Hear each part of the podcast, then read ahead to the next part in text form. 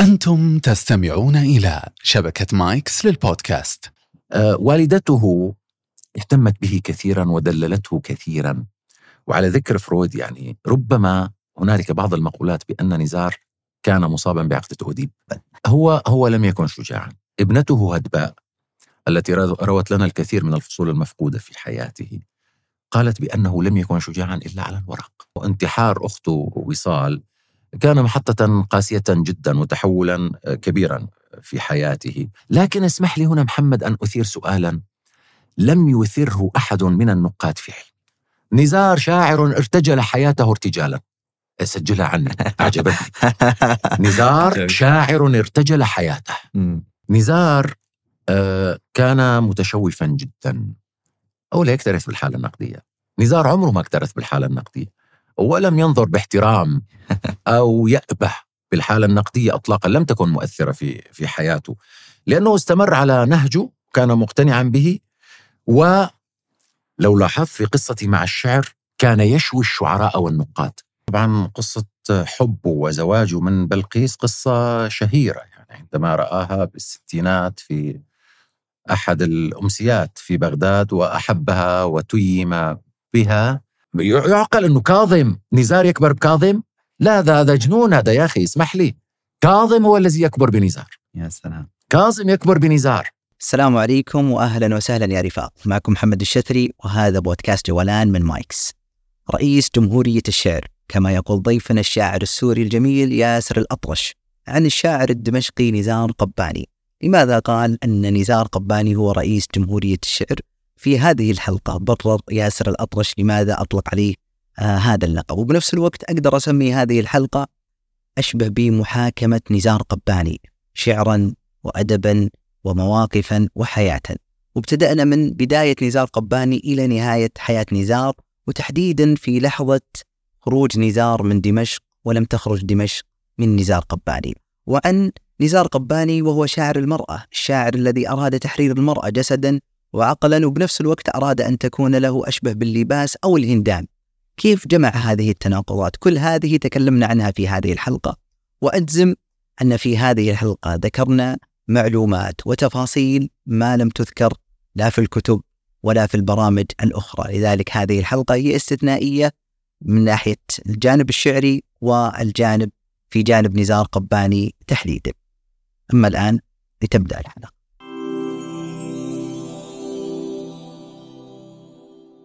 أستاذ ياسر الأطرش أهلا وسهلا بك في وطنك السعودية حيث الرياض.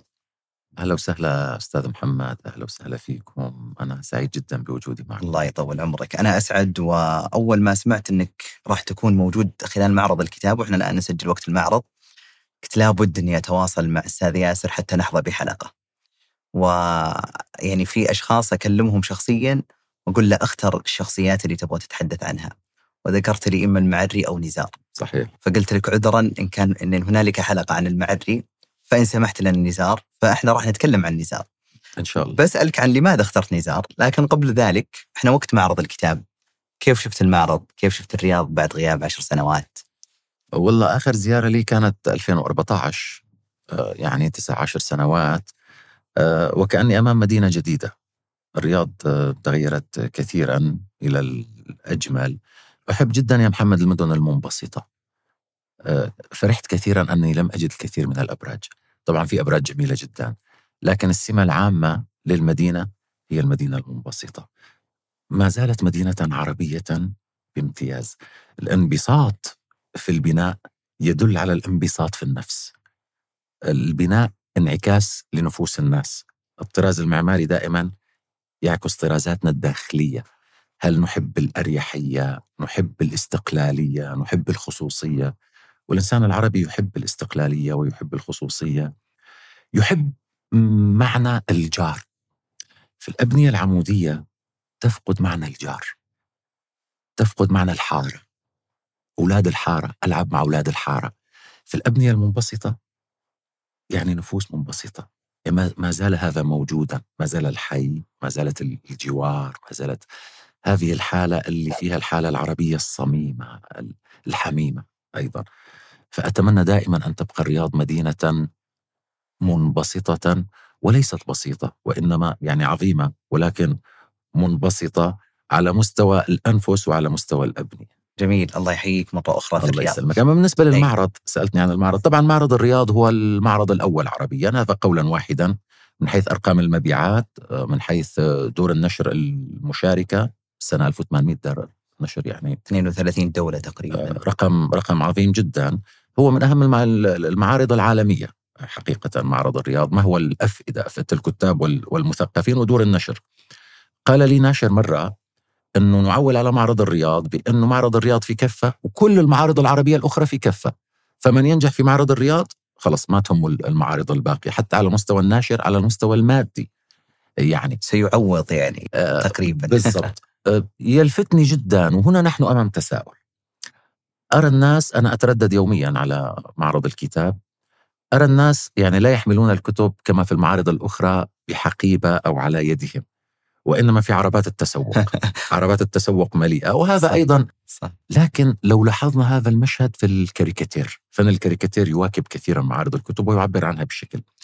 فدائما آه، يعني يصورون هذه العربة ال- ال- الم- الم- المتروسة بالكتب ويتساءلون عن الجدوى يتساءلون هل هذه الكتب ستقرأ؟ وهذا سؤال حقيقي محمد يجب أن نسأله. الكتب على مر التاريخ محمد لها دوران. إما هي وسيلة معرفة أو هي ديكور. والحقيقة هذا موضوع يجب أن نتصارح به. الكثير من الناس يضعون المكتبات في بيوتهم ديكور حتى يختارون المجلدات بألو من أجل ألوانها ومن أجل حجومها وليس من أجل مضمونها لا يفتح هذا الكتاب إطلاقا.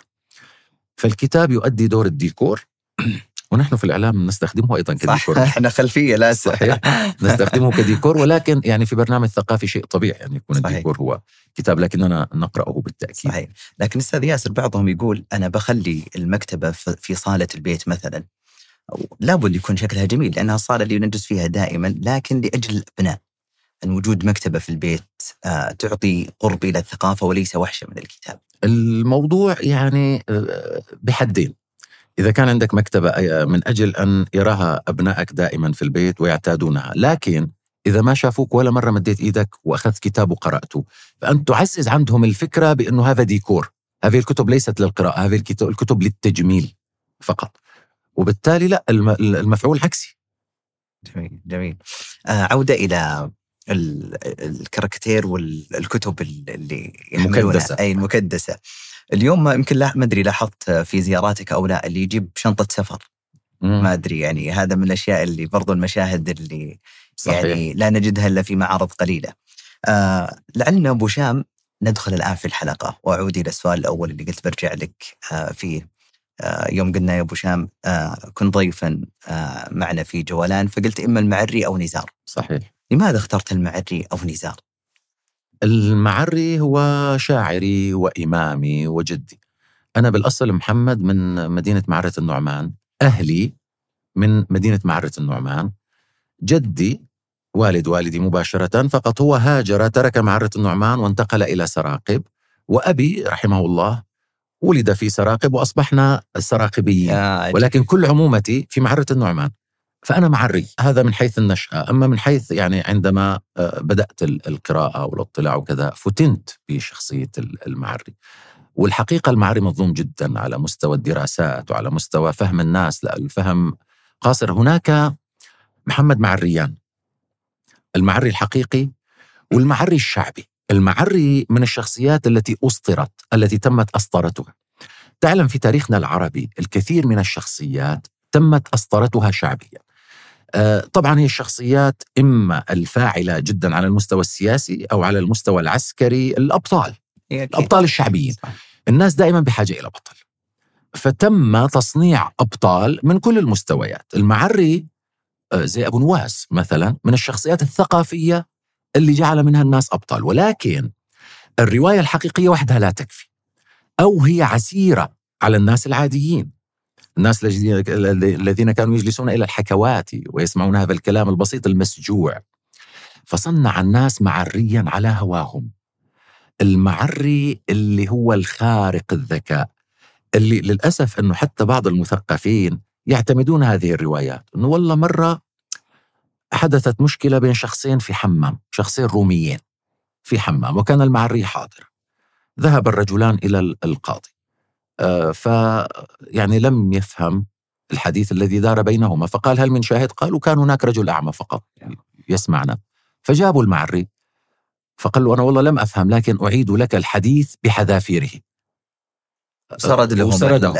طب هذه هذا هو المعري الشعبي. طبعا هو مرة جلس في مجلسه فقال لقد ارتفع مجلسي. فرفعوا الوسادة فوجدوا تحته ورق سيجارة. من وين اجى ورق سيجارة وقتها لا أعرف يعني؟ صح. من أكثر من 1100 سنة نتحدث عن هذا الموضوع. أه، فصنع منه الناس شخصية يعني خارقة. لكن المعري بحقيقته هو شيخ العقلانيين. شيخ الفلسفة العقلانية العربية. كان له مواقف حادة وجريئة جدا من الدين تحديدا من الفقهاء وليس من النص. من الفقهاء كانوا وكانوا أعداءه وأرادوا أكثر مرة أن يودوا به إلى إلى التهلكة يعني. ولكنه كان عزيزا حتى في زمانه يعني. كان ذا سمعة عظيمة. وعلى فكرة نحن بحثنا كثيرا من كان حاكم المعرة أثناء حياة المعري فلم نجد.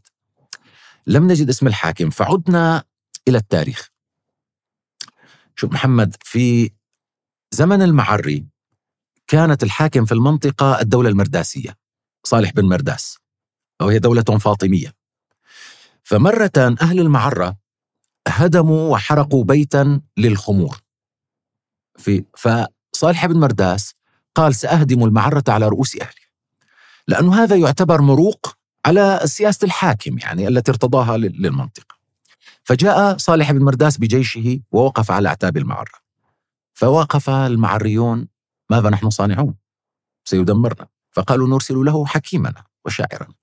فأرسله الناس فخرج إلى ظاهر المدينة والتقى صالح بن مرداس وقال أرسلني القوم إلى صالح وذاك من القوم رأي فسد فيسمع مني هديل الحمام وأسمع منه زئير الأسد.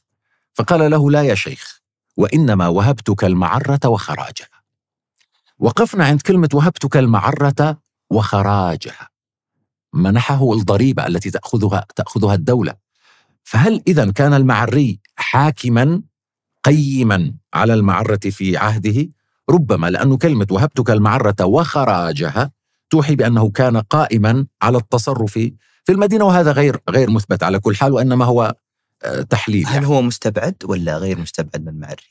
آه يعني لا لأنه كان الرجل كان زاهدا. كان زاهدا في المال وفي السلطة تعرف المعري بعد العشرين لم يجلس إلى أستاذ. أتم العلم في العشرين ختم العلم في العشرين. يعني كان قد جاب مكتبات حلب ومكتبات أنطاكيا في وقتها بسن من 17 إلى 20 سنة. وعاد في العشرين وجلس أستاذا. يتتلمذ عليه الطلاب من كل أنحاء المنطقة وبقي في بيته إلى أن مات. وبتعرف يعني أراني في الثلاثة من سجوني. فلا تسأل عن الخبر النبيث لفقد ناظري ولزوم بيتي وكون النفس في الجسد الخبيث. شوف يا محمد الناس يقولون رهين المحبسين ويغفلون الثالث الذي هو أهم لفقد ناظري ولزوم بيتي. وكون النفس في الجسد الخبيث. هذا اعتراض عظيم. طبعا وهو أحد الأشياء التي كفر عليها. هو رفض أن الروح النبيلة والنفس النبيلة ترتدي هذا الجسد الخبيث الفاني. الناقص. الحديث لا يمل عن المعري ويبدو أن بنكمل حلقة عن المعري. أعود إلى نزار. لماذا اخترت نزار؟ آه أنا سوري. نزار أحببنا أم لم نحب؟ هو شاعر سوريا يعني شاعر الشام الذي يعني أحد نقول الياسمين الدمشقي نقول البيوت الدمشقية ونقول نزار قباني. لا يمكن فصل دمشق في ذاكرة الناس في الذاكرة الجمعية للناس عن نزار قباني فهو أحد حوامل دمشق الحديثة. جميل. آه لعلنا ندخل الآن قليلا عن نزار قباني. آه دائما ما يقال أن تحديدا الشاعر في طفولته يعني نعرف فرويد ونظريته حول أثر الطفولة وما إلى ذلك وهذا على الناس كلهم لكن نلمس آه، أثر طفولة الشاعر لأنه أكثر من يعبر تقريبا آه، في قصائده وفي نثره وغيره ودي أسأل عن نزار آه، في بداياته آه، كيف نشأ؟ من والده؟ مثلا تكلمنا قبل الحلقة أن يعرف آه، والده ال- آه، الخليل أو أبو خليل. أبو خليل القباني ولكن غير ذلك ودي أعرف عن هذه التفاصيل في طيب نحكي قصته من ولادته إن شاء الله جميل آه، أول شيء للمصادفة نزار ولد 21 آذار مارس 1923 فيما بعد للمقادير أصبح يوم الشعر العالمي متى؟ 21 آذار. يعني وكأنه طبعا هو في التسعينات أعلنته الأمم المتحدة يوما للشعر. كأنه ولكن وكأنه تقصدوا أن يكون أو لم يتقصدوا أن يكون يوم ميلاد. نزار أو قباني تكريما ل- لنزار. لا هو ليس كذلك. يعني لكن آه، مصادفة ال- صادف نعم. إذا 21 آذار 1923 ولد نزار قباني في مئذنة الشحم في دمشق القديمة. اسم الحي مئذنة الشحم ميدنة الشحم في دمشق القديمة. لأبوين. الأب توفيق قباني. آه، رجل من الطبقة الدمشقية الميسورة كان يملك معملا صغيرا للحلويات والملبس الذي تشتهر فيه دمشق. آه، هنا أريد أن يعني آه، أزيح الغبار عن معلومة مغلوطة؟ آه، توفيق قباني كان من الطبقة الميسورة لكنه لم يكن برجوازيا كما. يشاع. لم يكن برجوازيا. هذا المشاع يعني. لا لا هو كان رجلا ميسور الحال ولكنه ليس طبقة برجوازية ليس أو- برجوازي ليس بيك وقتها. وقتها كان يعني ما زال لقب البيك والأغا وكذا. لا لا هو لم يكن كذلك كان رجلا ميسورا. أما والدته فائزة أقبيق. فائزة أقبيق فهي من أصول تركية. وفي الغالب أن أسرتها هاجرت من بورصة التركية في القرن الثامن عشر. آه، والدته اهتمت به كثيرا ودللته كثيرا. وعلى ذكر فرويد يعني ربما هنالك بعض المقولات بأن نزار كان مصابا بعقدة أوديب مم. اللي هي عقدة الوالد. آه، نعم. أو اي حتى اللي ما- يغار على على على والدته. يا سيدي آه، هو يتحدث في مذكراته عن علاقته بوالدته. من خمسة إلى 12 سنة طفولته من خمسة إلى 12 سنة كانت في حجر والدته في حضن والدته. يقال يا محمد أنها أرضعته حتى سن ست أو سبع سنوات. ما شاء الله. ما جاء من قلبها تفطم تفطمه واو. من ست إلى سبع سنوات بقيت ترضعه. كثير وبقيت تطعمه بيدها إلى سن 13 سنة. تطعمه بيدها إلى سن 13 سنة. مع إنه ما كان الوحيد يعني ما كان وحيد. نزار له ثلاث آه ثلاث أشقاء ذكور. طبعا معروف منهم جدا صباح قباني. صباح قباني كان المدير العام للإذاعة والتلفزيون في سوريا في الستينات وكان سفيرا لسوريا في الولايات المتحدة الأمريكية أيضا. آه، إعلامي معروف يعني. وكان له آه، أختان أيضا. آه، وواحدة منهم وصال سنتحدث الآن لأنها وصال كانت محطة قاسية جدا في حياة آه، في حياة نزار. إذا نزار نشأ في حضن والدته وفي بيت دمشقي قال عنه إنه قارورة وعطر البيت الدمشقي اللي بتعرفوه اللي هو زي بيوت باب الحارة عشان إيه، أقرب أقرب إلى. أقرب ل- لذهن الناس. نعم زي بيوت باب الحارة. العلية والحرملك والسلملك والمزاييك والخشب المطرز والبحرة والورود بكل أشكالها وألوانها. البيت الدمشقي النموذجي ولد وعاش به لذلك وصفه بأنه قارورة عطر. قال عشت في قارورة عطر. آه، والدته دللته جدا إلى سن 12 أو 13 سنة وفي طفولته وجهته باتجاه الرسم والموسيقى. نزار قباني في طفولته لم يكن الشعر في باله إلى سن 12-13 سنة. الرسم وتعلم العزف على العود وآلات أخرى وكان يرسم كثيرا. لكن فيما بعد آه، لم آه، تنمو معه هذه الهوايات وتركها وانطلق إلى آه، إلى الشعر. إذا والده لم يكن له الدور الكبير في تنشئته أثناء الطفولة. وإنما الدور الأكبر كان والدته. لوالدته كان متعلقا بها جدا وتحدث عنها كثيرا وكتب عنها كثيرا كان متعلقا. لذلك البعض حلل من عنده من كيسه يعني. هي أكيد. بأنه كان آه، يعني مصابا إيه. بعقدة أوديب. كيف أثر آه، هذه التربية آه، على نزار قباني؟ من ناحية ال- يعني نزار نعرفه آه، ثوري وشجاع في في بعض في بعض قصائده وكذلك كان وطنيا. آه، وإن كان يعني مرات لا يصرح بالأسماء الذي ينقدهم آه، رغم أنه تدلل وإحنا دائما هذه ثنائية لا تجتمع ان تدلل وتكون شجاعا في المستقبل. هو هو لم يكن شجاعا، ابنته هدباء التي روت لنا الكثير من الفصول المفقودة في حياته قالت بأنه لم يكن شجاعا إلا على الورق. عجيب. نزار كان شجاعا على الورق، أما في حياته فهو إنسان عادي يخاف ومثل كل الناس العاديين يعني حياته الطبيعية لم تكن شجاعة. نزار كان شجاعا جدا وجريئا جدا على الورق زي محمد أيضا تعال نعمل مقاربة. بنشوف ناس الآن على وسائل التواصل الاجتماعي في منتهى الجرأة صح. والشجاعة. بتقابلهم بيكونوا أشخاص خجولين لدرجة إنه بيخجل إنه يتكلم. صح. فالوجه الذي نراه من الناس على وسائل التواصل الاجتماعي أو على الورق ليس بالضرورة أن يكون هو الوجه الحقيقي، ربما يكون الوجه الحقيقي هو النقيض تماما. ونزار كان كذلك، كان انسانا عاديا جدا في حياته، لم يكن ذلك الإنسان الشجاع أو الخارق في حياته العادية. آه، وإنما على الورق كان أكثر حالة جريئة في الشعر العربي المعاصر على الإطلاق. عظيم عظيم. قبل الذهاب إلى منعطف آه، أخته راح نتطرق إلى تفاصيلها. لكن آه، ودي أسأل عن نزار آه، دخل في مدرسة أو تعلم اللغة الفرنسية وكذلك جزء من والعربية كذلك ولكنه نشأ على هذه اللغتين. ودي أسأل اليوم وإحنا في ثورة في تعلم اللغات والترجمة ما أثر تعلم اللغات على الشاعر عموما؟ وعلى نزار آه، تحديدا خاصة إذا هو تعلم لغة أخرى فهو غالبا سيأخذ من ثقافتها سيأخذ من أجناسها وأدبها ورموزها. كيف كان هذا الأثر على نزار؟ وكذلك ما هو الأثر على الشاعر؟ آه، نزار درس من الابتدائية إلى الثانوية في الكلية العلمية بدمشق. دراسته كلها كانت أيام زمن الانتداب الفرنسي الاحتلال الفرنسي لسوريا.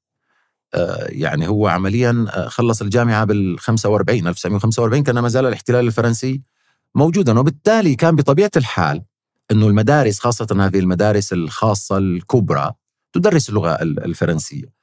فهو آه، طبعا تعلم اللغة الفرنسية إلى جانب العربية وأتقنها اتقانا كاملا وكان يقرأ الأدب الفرنسي. وإلى أن مات نزار قباني كان يوميا يقرأ الشعر العربي ويقرأ الشعر الأجنبي. يعني لأنه أتقن الإنجليزية في فيما بعد أيضا وكان ملحقا في لندن على كل حال. فكان يوميا يقرأ شعرا عربيا ويقرأ شعرا أجنبيا بلغته الأم. هذا ماذا هذا أخرج لنا من البداية. تعلم اللغة الفرنسية واطلاعه على الأدب الفرنسي في مراحل مبكرة. أخرج لنا صورة نزار قباني التي هي كانت حالة هجينة. على مستوى المضامين. كانت حالة هجينة ما بين الحالة العربية المعتدة جدا بالعروبة وما بين الحالة التي تخرق كل نواميس العروبة. يعني أنت تعتد بالعروبة وتريد أن تكسر كل تقاليد العروبة. هذا من أين تأتى؟ وهي مسألة ليست جديدة سبقه إليها من نهاية القرن 19 تحديدا البعثات المصرية التي ذهبت إلى الغرب وعلى رأسها طه حسين يعني. الذين عادوا وأرادوا أن يشكلوا مجتمعا جديدا ومعرفة وثقافة جديدة تدمج ما بين الحالة الغربية والحالة الشرقية. وبعضهم ذهب إلى حتى أنه لا نكون على مستوى الشكل والمضمون مثل الغرب. البعض لا. قال لا أنه نأخذ نحن آه، معطيات الحضارة الغربية ونحافظ أو نقولبها مع عروبتنا مع عاداتنا مع تقاليدنا مع ديننا. وكان صراعا كبيرا في بدايات القرن 19 واستمر حتى النصف الأول كله من القرن العشرين. فنزار هو امتداد لهذه الحالة لم يذهب لم يدرس في أوروبا ولكنه عمليا أوروبا أتت إليه. صحيح. يعني عندما درس في مدرسة تعلم اللغة الفرنسية والآداب الفرنسية فقد أتى أتت الثقافة الفرنسية أو الأوروبية إليه. هذا ظهر جليا في شعره ليس بشكل مباشر. وإنما من خلال محاولة خلخلة وكسر بشكل حاد كل المفاهيم كل التقاليد كل وكان جريئا جدا منذ ديوانه الأول قالت لي السمراء. قالت لي السمراء. وراح نتطرق لمرحلة الأدبية الأولى. آه لكن قبل ذلك فيه مرحلة اللي هي موقفة آه مع عائلته أو آه، عندما آه، يعني أغصبت أختها على الزواج. فكان يعني بعضهم يربط أن إذا جاي يدرس نزار أن نزار بهذه العنفوان وضد مثلا رجال الدين وضد العادات والتقاليد تجاه المرأة تحديدا كانت بذرته ذلك الموقف آه كيف ترى ذلك المنعطف في حياة نزار؟ صحيح يعني هو في إجماع بأنه انتحار أخته وصال كان محطة قاسية جدا وتحولا كبيرا في حياته طبعا هو كان بسبب العادات والتقاليد آه، التي يعني أحبت شابا ومنعت عنه منعت من الزواج به آه، فانتحرت. هذه يعني توصف بأنها إحدى أقصى المراحل في, في حياة في حياة نزار إضافة يعني فيما بعد إلى هي ثلاث ثلاث حالات وفاة كانت منعطفات في حياة نزار. آه، انتحار وصال وموت ابنه البكر توفيق فيما بعد وثم موت بلقيس. أو مقتل زوجته بلقيس.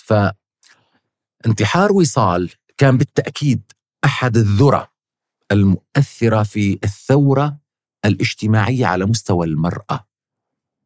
كانت أو خلينا نقول هي المنعطف الأكبر الذي جعله ثائرا حادا جدا وصادما من أجل المرأة التي دعا إلى تحررها فكريا والغريب وقتها يا محمد وجسديا. وجسديا. أنت بتتكلم بالأربعينات من القرن العشرين يعني.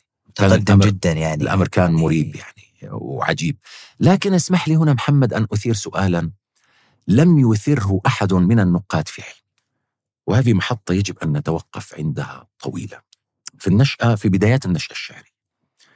نزار وسنأتي على هذا لن, لن يعني أسبق هذا المحور والآن قبل 1944 عندما أصدر ديوانه الأول قالت لي السمراء. بدايته الشعرية هو العنفوان الشعري. سن المراهقة. هو بدأ الكتابة 16 بسن ال 16 1939 أول قصيدة موثقة له. وهذه البداية الطبيعية على فكرة يعني لم يكن خارقا في هذا الباب. كلياتنا بدأنا بال 14 البداية الطبيعية لإشعار 14 15 فهو بدأ 15 16 مثله مثل كل الشعراء لكنه تفوق مبكرا. هنا عندي سؤال يا محمد ولا جواب لدي لكن أحيانا طرح الأسئلة أهم من الأجوبة. نزار قباني عاش مرحلة الاحتلال الفرنسي وهو في عنفوان شبابه يعني عندما خرجت فرنسا من سوريا 1946 هو ما زال. كان نزار شاعرا صح. وكان أصدر ديوانه الأول أين مقاومة الاحتلال في شعر نزار قباني هذا السؤال أريد لم يسأله أحد هذا سؤال مغفل علما بأن التاريخ يقول لنا بأنه تربى في بيت توفيق قباني أبوه الذي كان أحد رجالات الكتلة الوطنية. كان رجلا مقاوما للاستعمار الفرنسي وكانت تعقد في بيته اجتماعات للثوار أو للمنظرين السياسيين الذين هم ضد الاحتلال. أين شعر نزار قباني أنت يا نزار؟ تكتب قالت لي السمراء في ظل احتلال فرنسي لبلدك أين هو الموقف الوطني من الاحتلال الفرنسي لنزار قباني؟ أنا هذا سؤال أسأله ولا أعرف إجابته. لكن هو مغفل في الحالة النقدية لنزار قباني. أنا الآن يعني جميل.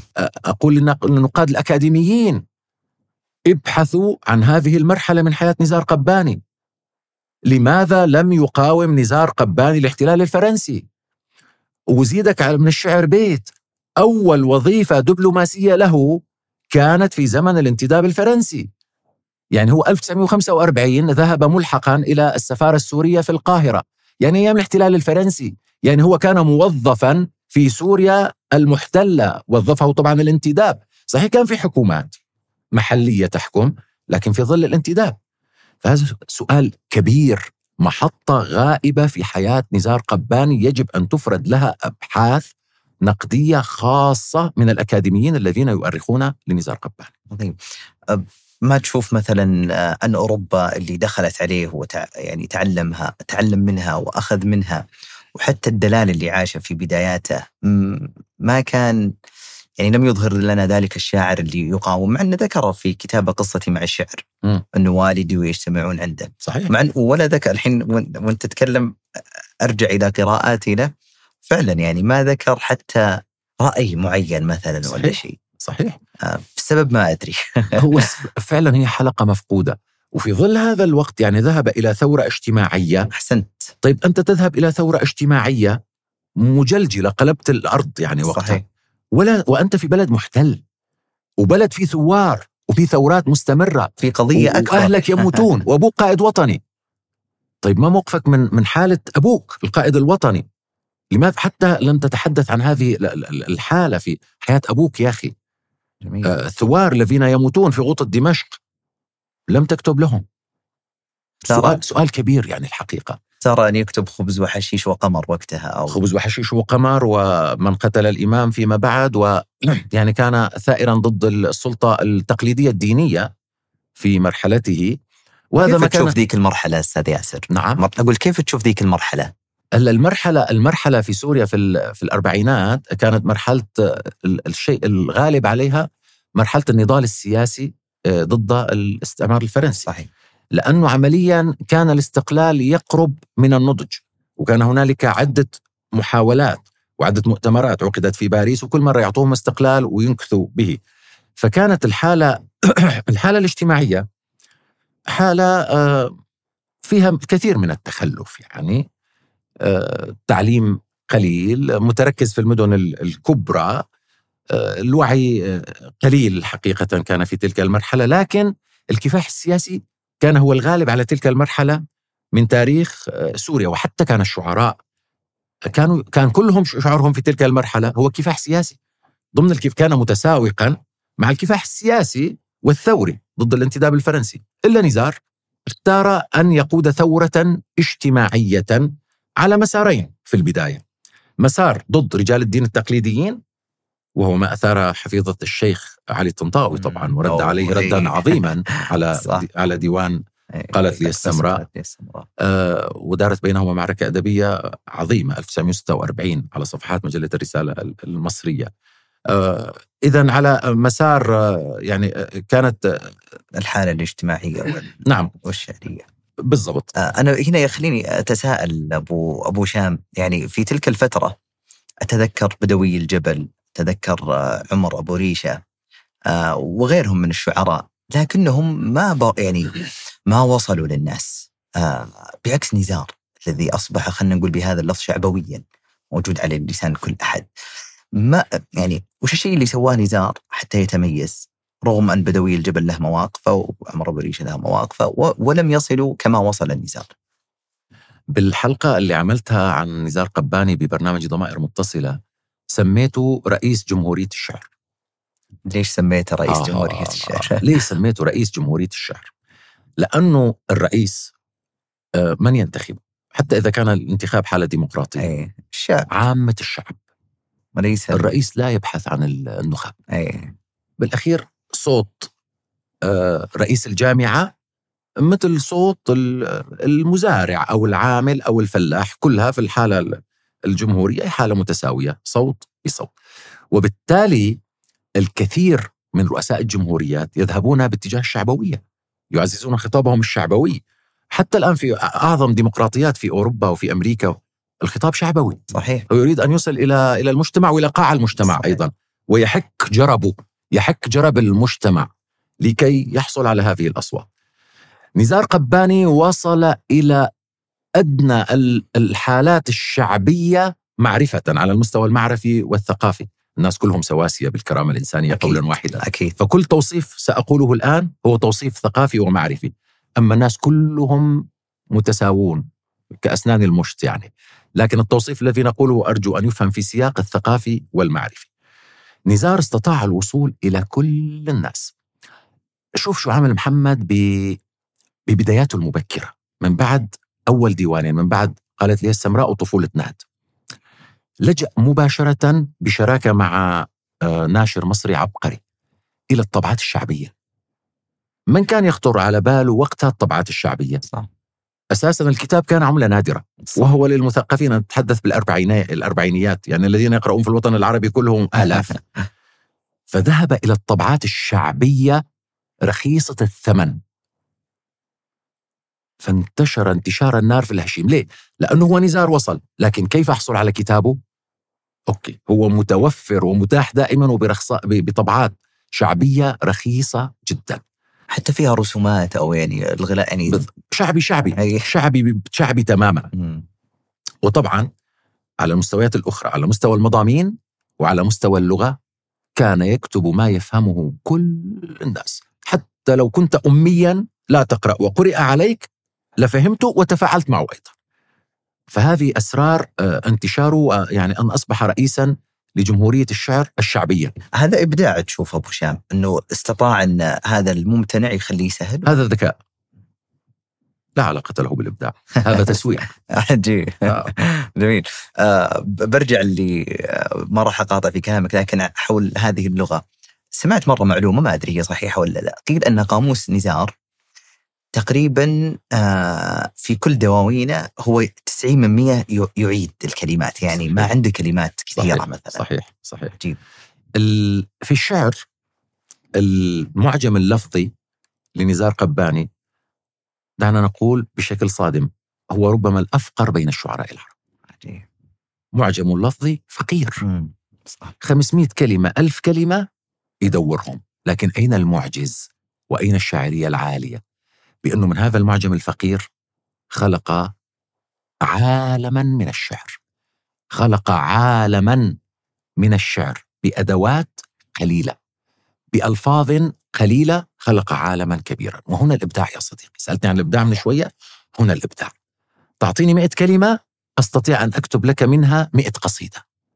صح. هذا شيء معجز. نزار قباني استطاع أن يكون معجزا في هذا الموضوع. أما وين اختلف المعجم اللفظي الغني والثري والعالي لنزار قباني؟ في نثر نزار قباني. في النثر نزار قباني ناثر عظيم. ناثر لغة عالية أساليب مجترحة مبتكرة جديدة وعبقرية.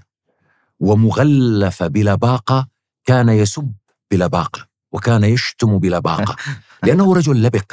نزار قباني رجل أنيق. دبلوماسيا منذ طفولته. منذ طفولته هو رجل أنيق جدا أنيق في لباسه أنيق في شكله أنيق في تسريحته أنيق في كلامه أنيق في شتائمه. أه، طبعا لمين؟ ب- مثلا تحدثنا عن علي الطنطاوي. علي الطنطاوي بال 46 كتب آه، نشر في الرسالة مقالا رد على قالت لي السمراء مقالة لاذعة جدا وصغر فيها من نزار وقزم نزار جدا. يعني تحدث في المقدمة عن شكل الكتاب هذا الذي يشبه الهدايا الملفوف بسلوفان أحمر الذي يصلح لأن يقدمه حبيب لحبيبته فأراد أن يقزمه وأن يهينه. اقرأ رد نزار علي. رد نزار كان في منتهى الاحترام للشيخ علي الطنطاوي لأنه نزار لا يمكن أن يهين الشيخ علي الطنطاوي. هذه القامة الدمشقية والعربية العالية جدا على المستوى الفقهي وعلى المستوى الأدبي يعني. ولكن ضمنها ردودا على المستوى الفكري ردود قوية جدا. على الشيخ علي الطنطاوي. نعم.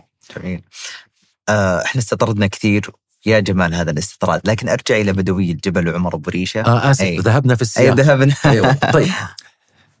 آه بدوي الجبل وعمر أبو ريشة شاعران سوريان عظيمان وكبيران.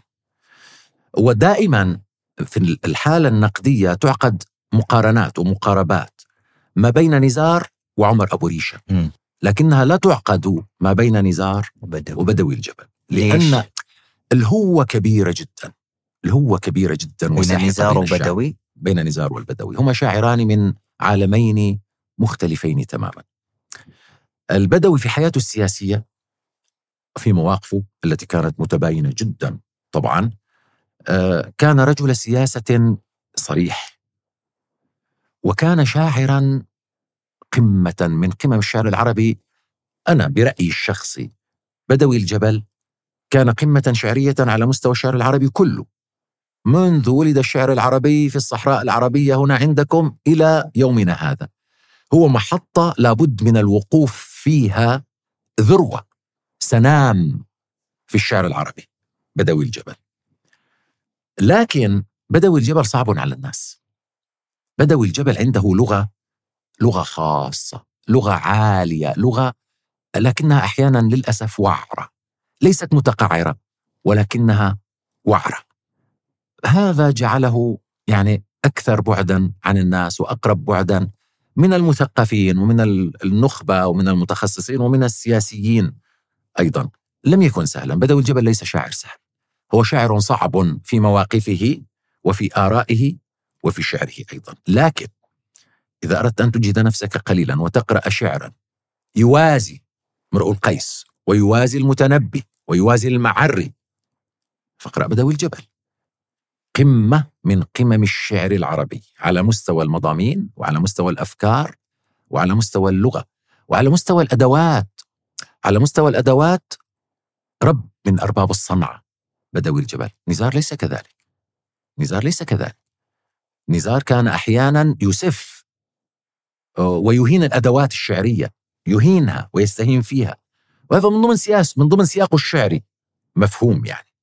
لذلك عقد مقارن ما بين بدوي الجبل ونزار هو أمر صعب جدا هما من عالمين مختلفين وطبعا أنا آه، يعني أميل طبعا آه، هذا رايي شخصي وليس نقدي اطلاقا. أنا أنا أعشق البدوي. جميل. اعشق بدوي الجبل أعشقه حتى النخاع. Yes. وأوصي بقراءته آه، وحتى شوف رغم وعورته على عظمته غنت له فيروز. مم. فيروز يعني قصيدة إلى خالقة. أوصيكم أيها الأحبة اقرأوا قصيدة إلى خالقة. من نعمياتك لي ألف منوعة وكل واحدة دنيا من النور. حملت رفعتني بجناحي قدرة وهوى لعالم من رؤى عينيك مسحور. غنتها فيروز. يعني على صعوبة الرجل لكن لم يستطع الرحابنة تجاوز هذه هذه القمة فاختاروا هذه القصيدة الناعمة والرقيقة وغنتها فيروز. ماذا عن نزار عمر أبو ريشة؟ نزار عمر تعال شوف المعارك اللي بتدور بين مريدي هذا ومحبي ذاك. معارك كبيرة جدا طبعا ليست على المستوى الشعبي وأنا على المستوى النقدي. النقدي والفني. على المستوى النقدي تحديدا في سوريا منذ عشرات السنين تدور معارك كبيرة ما بين آه، مريدي هذا ومريدي ذاك وكلاهما علم كبير. آه، طبعا آه، لهما أيضا قصيدة نسخ قصيدة في طائرة. أي. يعني كتبها عمر أبو ريشة وكتبها أيضا نزار نزار قباني. فيبدو أنه كانت بينهما حالة من التواصل غير المعلن أو من التنافس غير المعلن. لكن لم تحصل حالات صدامية. أه، هما حالات يمكن مقاربتها. لأنه أيضا عمر أبو ريشة هو شاعر وجداني شاعر إنساني فيلتقي في السياق العام يلتقي مع نزار يتقاطعان في في الموضوعات أه، التي يعني قاربوها وفي لكن اللغة طبعا عمر أبو ريشة أيضا له لغته المختلفة التي هي بين البدوي وبين نزار. لم يكن صعبا لكن كانت لغته أيضا لغة محكمة أنيقة والرجل كان مهتما بأدواته ومحافظا على أدواته لا يسمح المساس بجلال الشعر. أما نزار فما عنده محرم. جميل. آه، أعود إلى مرحلة نزار الأولى. ما بعد تخرجه من كلية الحقوق. هذا الأديب الذي كان دبلوماسيا وسياسيا بنفس الوقت وكان سفيرا. يعني مثل ما ذكرت في الحلقة أنه كان سفيرا في البداية في القاهرة ثم باريس وأعتقد لندن ومدريد وغيرها. ودي أسأل فنيا حول كيف يؤثر السفر أو الترحال آه، والتلاقي آه، مع الحضارات والشعوب على الشاعر فنيا؟ هذا صديقي يعني آه، جوابه لا يختلف فيه اثنان وقد تحدث فيه الفلاسفة والمفكرون والمثقفون والكتاب.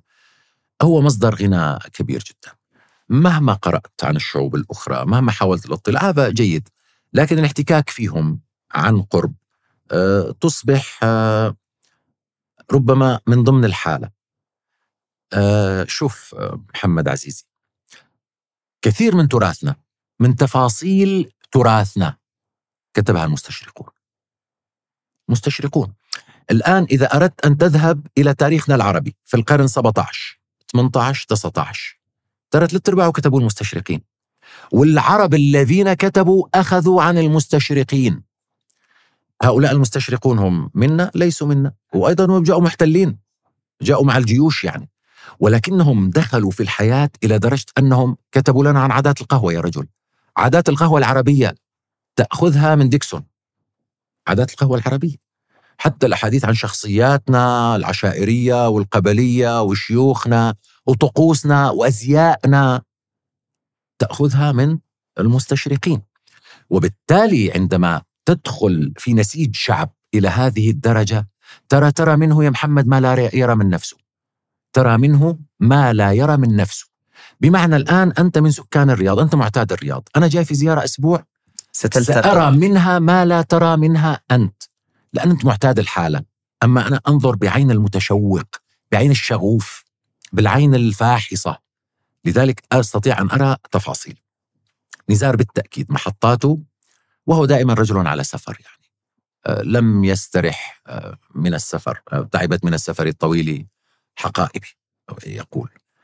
فقدم له غنى هائلا على مستوى التجربة الإنسانية على مستوى التجربة الإنسانية على مستوى الاطلاع على عادات تلك الأمم لغتها ثقافتها. ولكنه بقي مخلصا للحالة العربية. شوف دبلوماسيين غيره كتير راحوا. تماهوا مع الحالة إلى درجة إما خلينا نقول الالتصاق بها مجاملتها أو النفاق لها. مجاملتها أو النفاق لها. ومنهم عمر أبو ريشة. طبعا أيضا كان دبلوماسيا صحيح. وكان سفيرا. صحيح. كانوا يكتبون عن البلاد التي يذهبون إليها ويهدونها القصائد. نزار لا. نزار بقي ابن دمشق وابن بيروت اللي هي المحطة الثانية المؤثرة في حياته وابن الحالة العربية. بقي مخلصا لمدنه. بقي مخلصا لمدنه المؤسسة. دمشق وبيروت والثقافة العربية. فتن بالمدن الأخرى ولكنه بقي عاشقا مخلصا للمدن العربية والثقافة العربية المؤسسة. جميل جميل. والله ما ودي إنك توقف أبو شان تبارك الله. أنتقل آه، إلى سؤال آخر.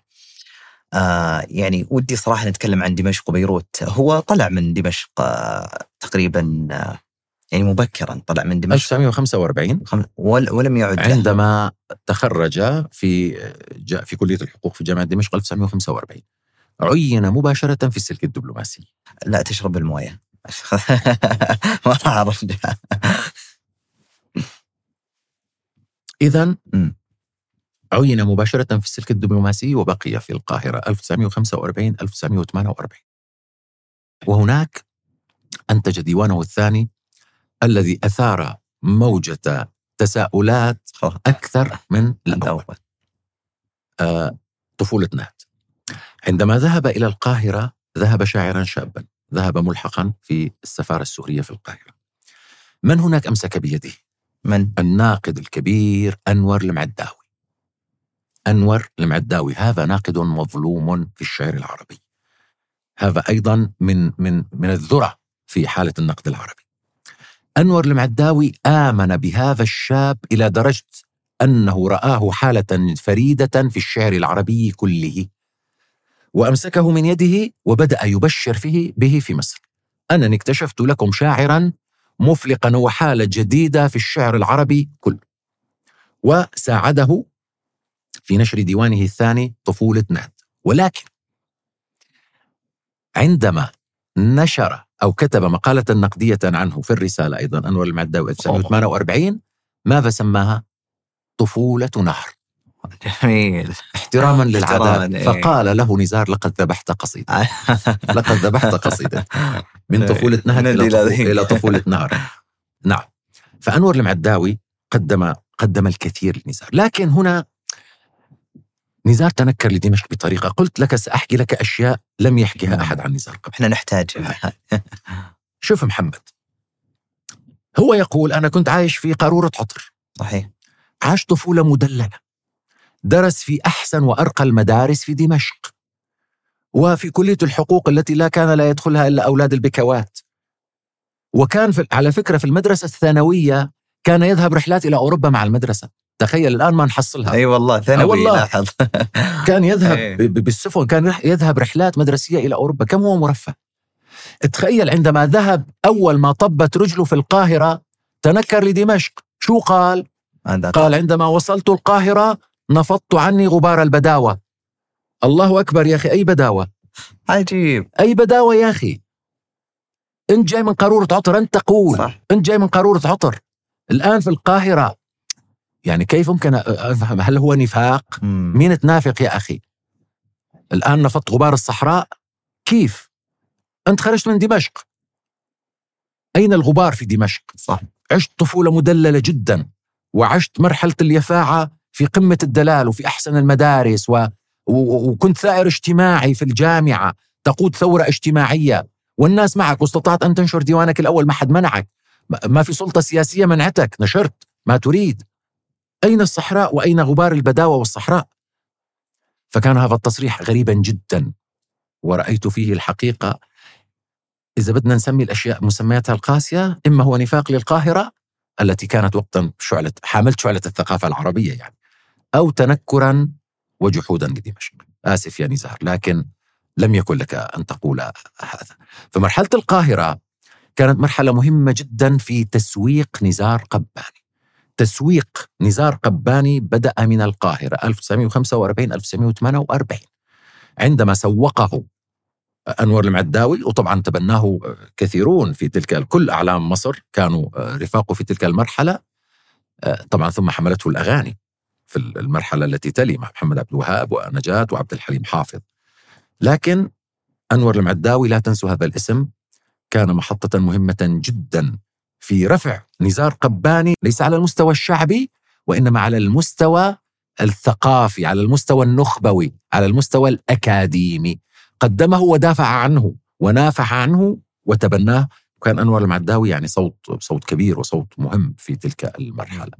أعود إلى دمشق، ما الذي كان ينقص نزار حتى يعني آه، ينسى تلك المرحلة في حياته أو ولا هو لم ينساها وبقي يتغزل بها إلى أن مات. لكن وكأنه شوف عزيزي محمد أحيانا ترى نزار لم يكن رجلا يفكر بعمق في مواقفه. نزار مواقفه ارتجالية كل عمره. نزار شاعر ارتجل حياته ارتجالا. سجلها عني أعجبتني نزار شاعر ارتجل حياته. مواقفه السياسية ارتجال. مواقفه العاطفية ارتجال. مواقفه الشعرية ارتجال. مواقفه من المدن ارتجال. كله ارتجال. هو بقي وفيا جدا لدمشق. جدا. إلى أن مات. هو شاعر دمشق. سكنتها سكنها وسكنته لكن وكأنه في تلك المرحلة عندما دهش بالمشهد الثقافي العالي تحدث عن المعداوي وتتحدث عن توفيق الحكيم وتتحدث عن طه حسين وجماعة أبولو يا رجل أنت يعني صح. أنت في, في, في أهرامات مع أهرامات. فكأنه أحس يجب أن يجامل. لكن يا أخي جامل يعني أنا أمدح الرياض من دون أن أهجو دمشق. أكيد. ببساطة. صحيح. وهذا متاح. صحيح. هذا متاح. صحيح. هذا الشاعر الذي ارتجل حياته كما ذكرت. آه، أربك الحالة النقدية بعضهم يراه كلاسيكيا وبعضهم يراه حداثيا كيف ترى نزار؟ أي أين هو من إذا إذا يعني سمينا هذه الحالتين؟ هو محمد هذه الحالة لا تعدو كونها جزء من الصراع الذي لا ينتهي والذي لا معنى له ولا مبرر ولا مسوغ له على الإطلاق ما بين التقليديين وما بين الحداثيين هذه قصة بدأت ولن تنتهي فكل واحد منهم يحاول أن يأخذ نزار رئيس جمهورية الشعر إلى طرفه. نزار لم يكن لا كلاسيكيا ولم يكن حداثيا. نزار حالة خاصة في الشعر العربي. نزار نسيج وحده. لا ينطبق عليه أي توصيف ولا تحتضنه مدرسة. نزار أبتدع مدرسة. لدينا في الشعر العربي الحديث مدرستان. مدرسة نزار قباني ومدرسة محمود درويش. عظيم. كلا غيرهم على عظمته وعلى أنه أهم منهما. أنا عندي عندي. السياب أهم. والجواهري أهم. وبدوي الجبل أهم. لكنهم لم يستطيعوا أن يفتحوا مدارس. الذي استطاع هو نزار قباني ومحمود درويش. وكل الشعراء بعدهم من السبعينات وبعد يخرجون من عباءة هذين الشاعرين. تصريح كبير أبو هشام. أنا خرجت من عباءة محمود درويش إلى أن امتلكت صوتي أقولها بكل صراحة. كانت هويتي مزدوجة ما بين سيابية ودرويشية. وهذا ظهر في مجموعتي الأولى قش ضفائرها لعشه. إلى أن اجتهدت كثيرا وامتلكت صوتي الخاص. والآن كم كم كم نسخة عن نزار قباني يوجد؟ آلاف عشرات الآلاف مئات الآلاف. وكم نسخة درويشية يوجد؟ مئات الآلاف. لكن كم نسخة سيابية؟ لا لا يوجد. لا يوجد. كم نسخة جواهرية؟ لا يوجد. كم نسخة من بدوي الجبل؟ لا يوجد. هذه مدارس مغلقة. يعني هو فتح الباب وهو أغلق الباب. أما مدرسة نزار ودرويش فهي مدارس ستبقى تخرج الشعراء إلى يوم آه، إلى يوم الدين. وبالتالي نزار لا هذا ولا. نزار هو نزار. هي المدرسة النزارية. المدرسة النزارية. الرجل لم يكن يتقصد هذا ولم يكن كان يكتب القصيدة كيفما تأتي. يكتبها عمودية بمنتهى الحداثة. يعني يكتب قصيدة عمودية يسب بها الشعر العمودي. جنون! إيه. كيف عم تقول هذا شاعر كلاسيكي؟ ما هو كتب قصيدة بنفس الشكل حتى يسبك حتى يشتمك. يقول أن أنت قفل أنت باب سجن. عجيب. ويذهب إلى قصيدة إلى قصيدة التفعيلة ويكتبها منفلتة على هواها دون مراعاة أي شيء. فأسس مدرسة. وعندما أراد الذهاب إلى النثر أيضا أنجز على فكرة هو ناثر كما هو شاعر. يعني هو له نحو 35 ديوان وله نحو 12 أو 13 كتاب نثري مش قليل يعني فهو ناثر من الدرجة الأولى أيضا. فالنثر كان جزءا أساسيا من من حياته. عندما يريد أن ينفلت تماما كان يذهب إلى نثر. آه، إلى النثر. فنزار لا هذا نزار هو نزار قباني صاحب المدرسة النزارية. جميل. من المصادفات العجيبة أبو شام أن الذي تكلم عن محمود درويش في بودكاست جولان هو أحمد عبد الحنان شاعر سوري كذلك. فهذه يعني قفلنا هذه المدرستين لكن آه، الرجل الذي يعني نزار قباني أراد أو فتح مدرسة جديدة حتما هذا الشيء سيصنع له أعداء أو سيصنع له خصوم. وأكيد كان له خصومات أدبية خاصة في زمن كانت الحالة النقدية ممكن طبيعية أو فوق الطبيعية. إحنا لا نشهدها هذه الأيام آه كما كما أرى يعني. آه كيف تجد الحالة النقدية في زمن نزار؟ في نتاج آه الشاعر نزار تحديدا. وعلى الهامش هل الحالة النقدية مهمة اليوم أو لا؟ نزار آه، كان متشوفا جدا. أو لا يكترث بالحالة النقدية. نزار عمره ما اكترث بالحالة النقدية. ولم ينظر باحترام أو يأبه بالحالة النقدية أطلاقا لم تكن مؤثرة في في حياته. لأنه استمر على نهجه كان مقتنعا به ولو لاحظت في قصتي مع الشعر كان يشوي الشعراء والنقاد. كان يضعهم على السفود. هو الذي يضعهم على السفود يعني. صح. آه، كان يقلل كثيرا من شأن الشعراء الآخرين. حتى في مرة كان أدونيس في بيته في لندن. فقال له يا أدونيس لمن تكتب الشعر؟ والله أنا لا أفهمك. وهل أنت تفهم نفسك بحق؟ قال وهل أنت تفهم إيه. نفسك؟ وطبعا كتب عنه في قصتي مع الشعر بأنه كان شاعر علاقات عامة. رأيه بأن أدونيس كان شاعر علاقات عامة وهذا رأيي إيه، جميل صحيح. آه، شواهم كلهم آه، قصتي مع الشعر موجودة وأنا أوجزتها أيضا في ضمائر متصلة مرة يعني. لكن أكثر من كان يكره من الشعراء عبد الوهاب البياتي. كان يكره عبد الوهاب البياتي. ليش؟ آه، عبد الوهاب البياتي كان كان عدو الشعراء وكان يختلق المشاكل مع الشعراء. عبد الوهاب البياتي عاش على عداوات الشعراء وعلى خلق المعارك الأدبية وأحيانا غير الأدبية معهم. فسماه أتوقع بومة الشعر أو غراب الشعر أو هكذا يعني. كان عبد الوهاب هو كان آه، يعني البياتي كان يبحث عن المشكلات. دائما بكل حياته كان يبحث عن المشكلات فنزار كان لا يحبه يعني. لكن هو نقد نقد كل الشعراء في قصتي مع الشعر نقدا. وبالتالي حتى لو لم يقل كان يرى نفسه فوقهم. كان يرى نفسه فوقهم. نزار كتير شايف حاله. كتير. إنسان كتير حبوب كتير طيوب كتير لطيف لكن لا يوجد شاعر يمكن في العربية معتد بنفسه كما نزار نزار قباني. هل تشوف لازم الشاعر يعتد بنفسه؟ يجب أن يعتد بنفسه ضروري يجب أن يثق بنفسه لكن يجب أن يكون آه، شوف هذا المسار وهذه نظرية خاصة بي الشاعر يجب أن يكون على المستوى الاجتماعي عاديا أن يجهد ليكون عاديا مع الناس وأن يكون استثنائيا في نصه كون استثنائي وخارق ومدهش في نصك. أما في حياتك العادية كون عادي مع الناس. لا تتكبر. مين صنعك. الناس. أنا أقول من الآن في معرض الكتاب أمس قلت لصديقي العزيز الشاعر الجميل عبد الله العنزي أوجه له تحية. ما يحتاج. رفيقي الجميل في في المعرض وفي زيارتي للرياض. فتفاجأت بكم كبير جدا من الناس يسلمون علي في المعرض. يعني فوق ما توقعت بكثير الحقيقة فقلت له يا محمد والله أنا ما يا عبد الله ما كنت متخيل أني معروف إلى هذه الدرجة والله. فقال لي لا أبو شام يعني معروف تماما. قلت له والله لم أكن أتوقع إلى هذه الدرجة. ف كل أحد يسلم. أقف بكل احترام وأسلم عليه أكثر مما يسلم علي وأشكره لأنه سلم علي هذا واجبي. يا أخي هو فضل منه. والله فضل منه. هو بإمكانه يشوفني ويتجاهلني. فيا جماعة يا جماعة الشعراء والأدباء والمثقفين كونوا عاديين مع الناس.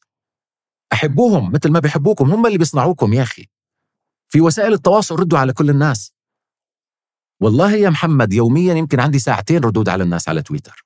وهذا يستنزف. أنا ما عندي وقت. أنا أنام أربع ساعات في اليوم فقط. لكن وقت الناس مقدس. طيب اللي يشكرني ويعلق لي وكذا أتعامل أهمله؟ ليه مين أنا؟ مين أنا حتى أهمله؟ هذا رجل يتفضل علي بمشاعره. وبالتالي الشاعر يجب أن يكون أن يجاهد نفسه ليكون عاديا مع الناس واستثنائيا جدا في نصه. نزار كان استثنائيا في كل شيء. في حياته وفي تصريحاته وفي شعره أيضا. آه، لكن حياته مثل ما روتها هدباء حياة هي حياة ترى جدا بسيطة. رجل يستيقظ مبكرا آه، يجلس مع عائلته آه، في حياته الأخيرة القسم الثاني من حياته يجلس مع أولاده ومع أحفاده يتغدى وعنده قيلولة مقدسة بعد الظهر إلى الساعة الرابعة ومن ثم يخرج إلى الحدائق عندما كان في أوروبا يحب الحدائق جدا ويتغنى بالحدائق كثيرا ويعود إلى بيته ليقرأ يوميا الشعر العربي والشعر المترجم. لم يكن اجتماعيا نزار قباني لم يكن اجتماعيا. كانت تقتصر حياته الاجتماعية على أصدقائه الذين يزورونه في مغترباته آه، سواء كانت بيروت أو القاهرة أو المدن الأوروبية التي عاش فيها آه، سويسرا ولندن المحطة الأطول لندن والأخيرة يقتصر على زيارات الشعراء والمحبين. فقط. حياة اجتماعية غنية وعلاقات لم يكن عنده. يعني كان آه، نزار قباني إنسانا عاديا مع الناس وكان استثنائيا في شعره. صحيح. في حياة آه، نزار أبو شام آه، مر بمفترقات كثيرة. ممكن ذكرنا انتحار أخته موت ابنه وكذلك اغتيال زوجته. أو قتلت يعني في بيروت حيث تفجير السفارة, السفارة العراقية, العراقية صحيح. في بيروت. وكتب قصيدته الشهيرة بلقيس. ممكن شكرا لكم شكرا لكم فحبيبتي قتلت وصار بوسعكم أن تشربوا كأسا على رأس الشهيدة على قبر الشهيدة. وقصيدتي اغتيلت وهل من أمة في الأرض إلا نحن نغتال القصيدة؟ نعم.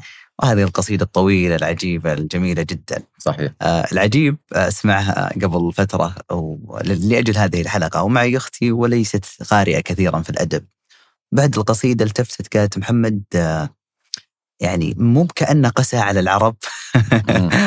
فكنت أشرح لنا وفق سياق وفق مرحلة معينة وفق أشياء يعني معينة. بسأل عن تحول الشاعر أو المراحل المأساوية في حياة الشاعر اللي فعلا تحدث أثرا واضحا في حياته. عن تلك المرحلة موت زوجته أو اغتيال زوجته كيف كان أثرها على حياة نزار وما قبله وما بعده؟ نزار آه طبعا قصة حبه وزواجه من بلقيس قصة شهيرة يعني عندما رآها بالستينات في أحد الأمسيات في بغداد وأحبها وتيم بها آه ووالده طلبها ووالدها امتنع. فبعد معروف القصة خطبها له أحمد حسن البكر رئيس جمهورية العراق 1969 عندما عاد نزار آه، وما زال يحبها وكانت مراسلات هنالك مراسلات استمرت سنوات بينه وبين بلقيس خمس أو سبع سنوات. فأحمد حسن البكر سمع بالقصة وأرسل وزير الشباب وقتها الشاعر شفيق الكمالي ووكيل وزارة الخارجية الشاعر شاذل طاقة. وهما خطبا بلقيس لنزار قباني طبعا الأب يعني رئيس جمهورية يخطب. أي. ما في مجال للرفض إطلاقا يعني. صح. الطريق باتجاه واحد هو الموافقة. وتزوجوا والحقيقة عاشوا حياة مثالية وفق ما يروي نزار وفق ما نعرف يعني عاشوا حياة مثالية إلى أن آه، قتلت بلقيس في تفجير السفارة العراقية 1981 في بيروت. كانت مرحلة حاسمة جدا في حياة نزار. أه لم يعشق بعدها امرأة ولم تدخل امرأة حياته وفق ما أكد هو وفق ما أكدت أيضا ابنته هدباء. انتهت علاقة نزار قباني الشخصية بالنساء بعد بلقيس. وهو الذي كان يعني آه شاعر النساء بالضبط النساء حتى على المستوى الشخصي تعرف هو له تجربة زواج قبل من ابنة خاله آه، زهراء أقبيق هي زوجته الأولى تزوجها 1946 في شبابه الأول إلى 1952 آه، طلقها. وابناه توفيق وهدباء هو هما ابناء زهراء يعني. بعدها هنا أيضا في في مسألة والحقيقة حكت لنا الكثير من أسراره الأديبة السورية كليه خوري. هي كانت حبيبة أو عشيقة نزار كما تقول في مرحلة من المراحل وكانت روايتها أيام معه. البطل غير المعلن يعني غير المسمى هو نزار.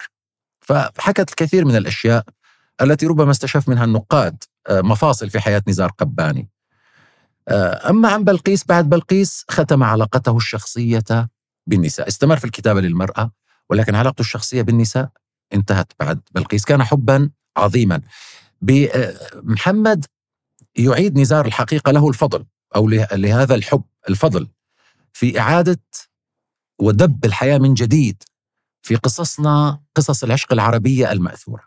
يعني أعاد لنا قيس وليلى وأعاد سعاد ولبنى واعاد القصص الخالدة في ذاكرة العرب، فقصة نزار وبلقيس قصة تحكى الحقيقة.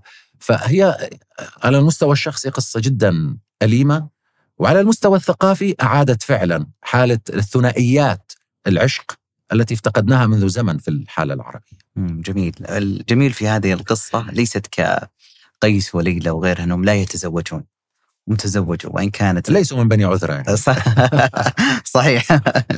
وإن كانت الخاتمة يعني كان كانت حزينة جدا. يعني صحيح. تفاصيل القصيدة وجمالها وكيف إنه سيعود إلى البيت وال والنبات والورد وحتى حتى التراب اللي على على النافذة يعني حكاه كيف سيتأثر هي قصيدة خالدة في في باب الفقد. في باب الفقد آه، هي من من الخالدات يعني التي يتم استحضارها دائما. في باب الفقد جميل آه بالحديث عن المرأة والشعر ونزار والنساء يعرف أن نزار هو شاعر المرأة أو شاعر نعم. الحب حتى أن من الشعراء القلاء يعني القلة الذين كتبوا بلسان المرأة. آه وإن كان ودنا نتكلم عن هذه التجربة، لكن ودي اعرف آه يعني مرة وصف المرأة كجسد، مرة وصفها كهويه إنسان. آه ما هو المعنى الحقيقي للمرأة في شعر نزار آه تحديدا يعني؟ مرة سألت إحدى النسويات م. أنه ما هو موقفكم من نزار قباني وأنا أعرف الجواب بأنه موقف مختلط ومرتبط مم. نزار كما قلت لك سابقا نزار ارتجل حياته ارتجالا ارتجل كل شيء فنزار الآن إذا آه، يعني تجد عند النسويات والمتشددات للمرأة آه، رأيين هو من أول الدعاة إلى حرية المرأة على مستوى الفكر وعلى مستوى الجسد. أوكي تمام. لكن هو الذي قال أيضا وبنيت أهراما من الحلمات. فصلت من جلد النساء عباءة. ويتحدث دائما عن حبيبات كل حبيباتي. فهو مع التعدد ليس معه هو يعني سياسة في الحياة. دائما يتحدث عن حبيبات وليس عن حبيبة واحدة. إذا ماذا عن الإخلاص؟ ماذا عن امرأة واحدة؟ امرأة واحدة لا تكفي؟ وكأنه هو صاحب التنظير لقضية امرأة واحدة لا تكفي. كيف يمكن أن نفهم السياق؟ أنه أنا ضد تعدد الزوجات ومع تعدد الحبيبات؟ عجيب. تعال افهم هذا السياق. هذا سياق لا يأتيك به إلا نزار قبان. آه. رجل ارتجالي منفلت يقول ما يخطر على باله أو ما يحس أو أو ما يشعر. وبالتالي نزار في بعض قصائده صديق المرأة وفي بعض قصائده جلاد المرأة وعدو المرأة. آه سويعاتي مثل ما بنقول باللهجة الشامية سويعاتي. يعني كل كل مرة هو في موقف آه مختلف. لكن بشكل عام آه يعني جعل من المرأة قضية رئيسة في في شعره ودعا إلى تحررها في مرحلة الأربعينات. أنت تتكلم يعني وتحدث عن التحرر الجسدي وهذا كان خط أحمر جدا. تعرف بأن آه، ديوانه طفولة نهد نوقش في البرلمان السوري؟ عجيب. ديوان طفولة نهد صدر 1948 نوقش في البرلمان السوري. م. أين يذهب بنا هذا الشاعر؟ أين يذهب بفتياتنا؟ إنه يدعو للانحلال لكن شوف محمد تقرأ المرحلة كلها. كم كانت مرحلة ديمقراطية عظيمة. لا يمنع الديوان يفسح ويقرأه الناس ولا يناقش مثل الآن في, في يعني عندنا في سوريا كنا نناقش في المخابرات على قصائدنا. نوقش في البرلمان. ما تأثير هذا الشعر على الفتيات وعلى الجيل الشاب؟ أيضا هذا ينقلك إلى حالة سوريا ما بعد الاحتلال الفرنسي التي عاشت مرحلة مرحلة الدولة المدنية العظيمة في في ديمقراطيتها. الحقيقة فلم يجلد ولم يصلب نزار قباني وإنما نوقش شعره في البرلمان. عظيم. هل تعتقد أن نزار قباني كان يبحث عن امرأة يقع في حبها حتى وجد بلقيس؟ لذلك بعد بلقيس مثل ما ذكرت أن آه لم يختلط بها. أتوقع أنه لم يكن في حالة بحث وكما قلت لك هو لم يكن اجتماعيا كثيرا آه، ولم يكن يعنى بالمعجبات. على فكرة بعد بلقيس كانت ابنته هدباء هي الوسيط بينه وبين الناس. عجيب. آه، حتى بينه وبين المعجبين يعني. عجيب. لم يعد يعني يريد أحد على صلة مع المرأة أو مع المجتمع إلا من خلال ابنته. فلا أتوقع أنه كان يبحث خاصة نحن نتحدث عن مرحلة زواج أولى فاشلة ومؤلمة. مع سهرة أقبيق. ونتحدث عن حالة عشق أيضا فاشلة أو لم تتم لو تتزوج بزواج مع كوليت خوري. آه، والمعجبات بالآلاف بعشرات الآلاف بالملايين. آه، لا أتوقع أنه كان متصيد نساء أو يبحث عن حب وإنما بلقيس آه، فتنته يعني نخلة. استطاعت أن تهوي به من عليائه أو أن تصعد به من عليائه إلى عليائها. حتى ما تزعل من المرأة لم تهوي به وإنما صعدت به من قمة اعتزاز إلى قمة اعتزاز أخرى. لو كان نزار موجود لفرح على هذه الجملة لأنه يعتد بنفسه. نزار كتب في الشعر والمرأة والسياسة وغيرها من الأمور. آه، أين أبو شام يرى نزار في هذه المواضع؟ أفضل ما كتب نزار. أه والله هو آه، نزار شاعر إنساني وشاعر في غزله وشاعر في آه، سياسته. لكن بالنسبة للشعر السياسي نزار لم يتجاوز مجايليه فبقي يكتب القصيدة السياسية البسيطة البسيطة ليس فيها عمق فكري. يعني كان هجاء أنظمة. مثل مثل مظفر النواب مثل أحمد مطر لم يقدم تجربة فكرية. لم يقدم تجربة فكرية في شعره السياسي. وإنما هجاء أنظمة وهجاء واقع حال. وشوف بموقفه من من العروبة حتى ننصف الرجل. كان عروبيا جدا نزار. واليوم نحن نزار ونحن كل الشعراء الآن عندما يشتم العرب الآن هو لأنه يحبهم. لأنه يحبهم. هو يذم هذا الواقع لكي يرتقي به. لذلك لاحظ نزار لماذا أقول لك كان بسيطا في معالجته للأمور؟ عندما يريد أن يستنهض الأمة بمن يستعين؟ يستحضر الرموز التي يستحضرها كل الناس. لذلك هو ليس موقف فكري أو إيديولوجي هو موقف شعبي. يا ابن الوليد ألا سيف تؤجره؟ فكل أسيافنا قد أصبحت خشبة. يستنهض خالد بن الوليد اللي هو الرمز العام عند الناس. يا صلاح الدين باعوا النسخة الأولى من القرآن. باعوك وباعونا جميعا في المزاد العلني. يستحضر صلاح الدين.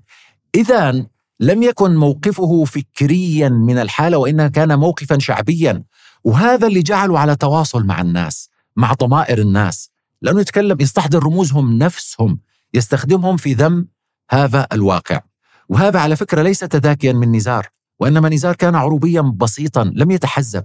كان عروبيا بسيطا يستحضر رموز بني أمية ويستحضر أيضا الإمام علي ويستحضر الحسين يستحضر خالد بن الوليد يستحضر فكان يستحضر ربما الأضداد أحيانا السياسيين. ما بهمه لم يكن طرفا في المعركة.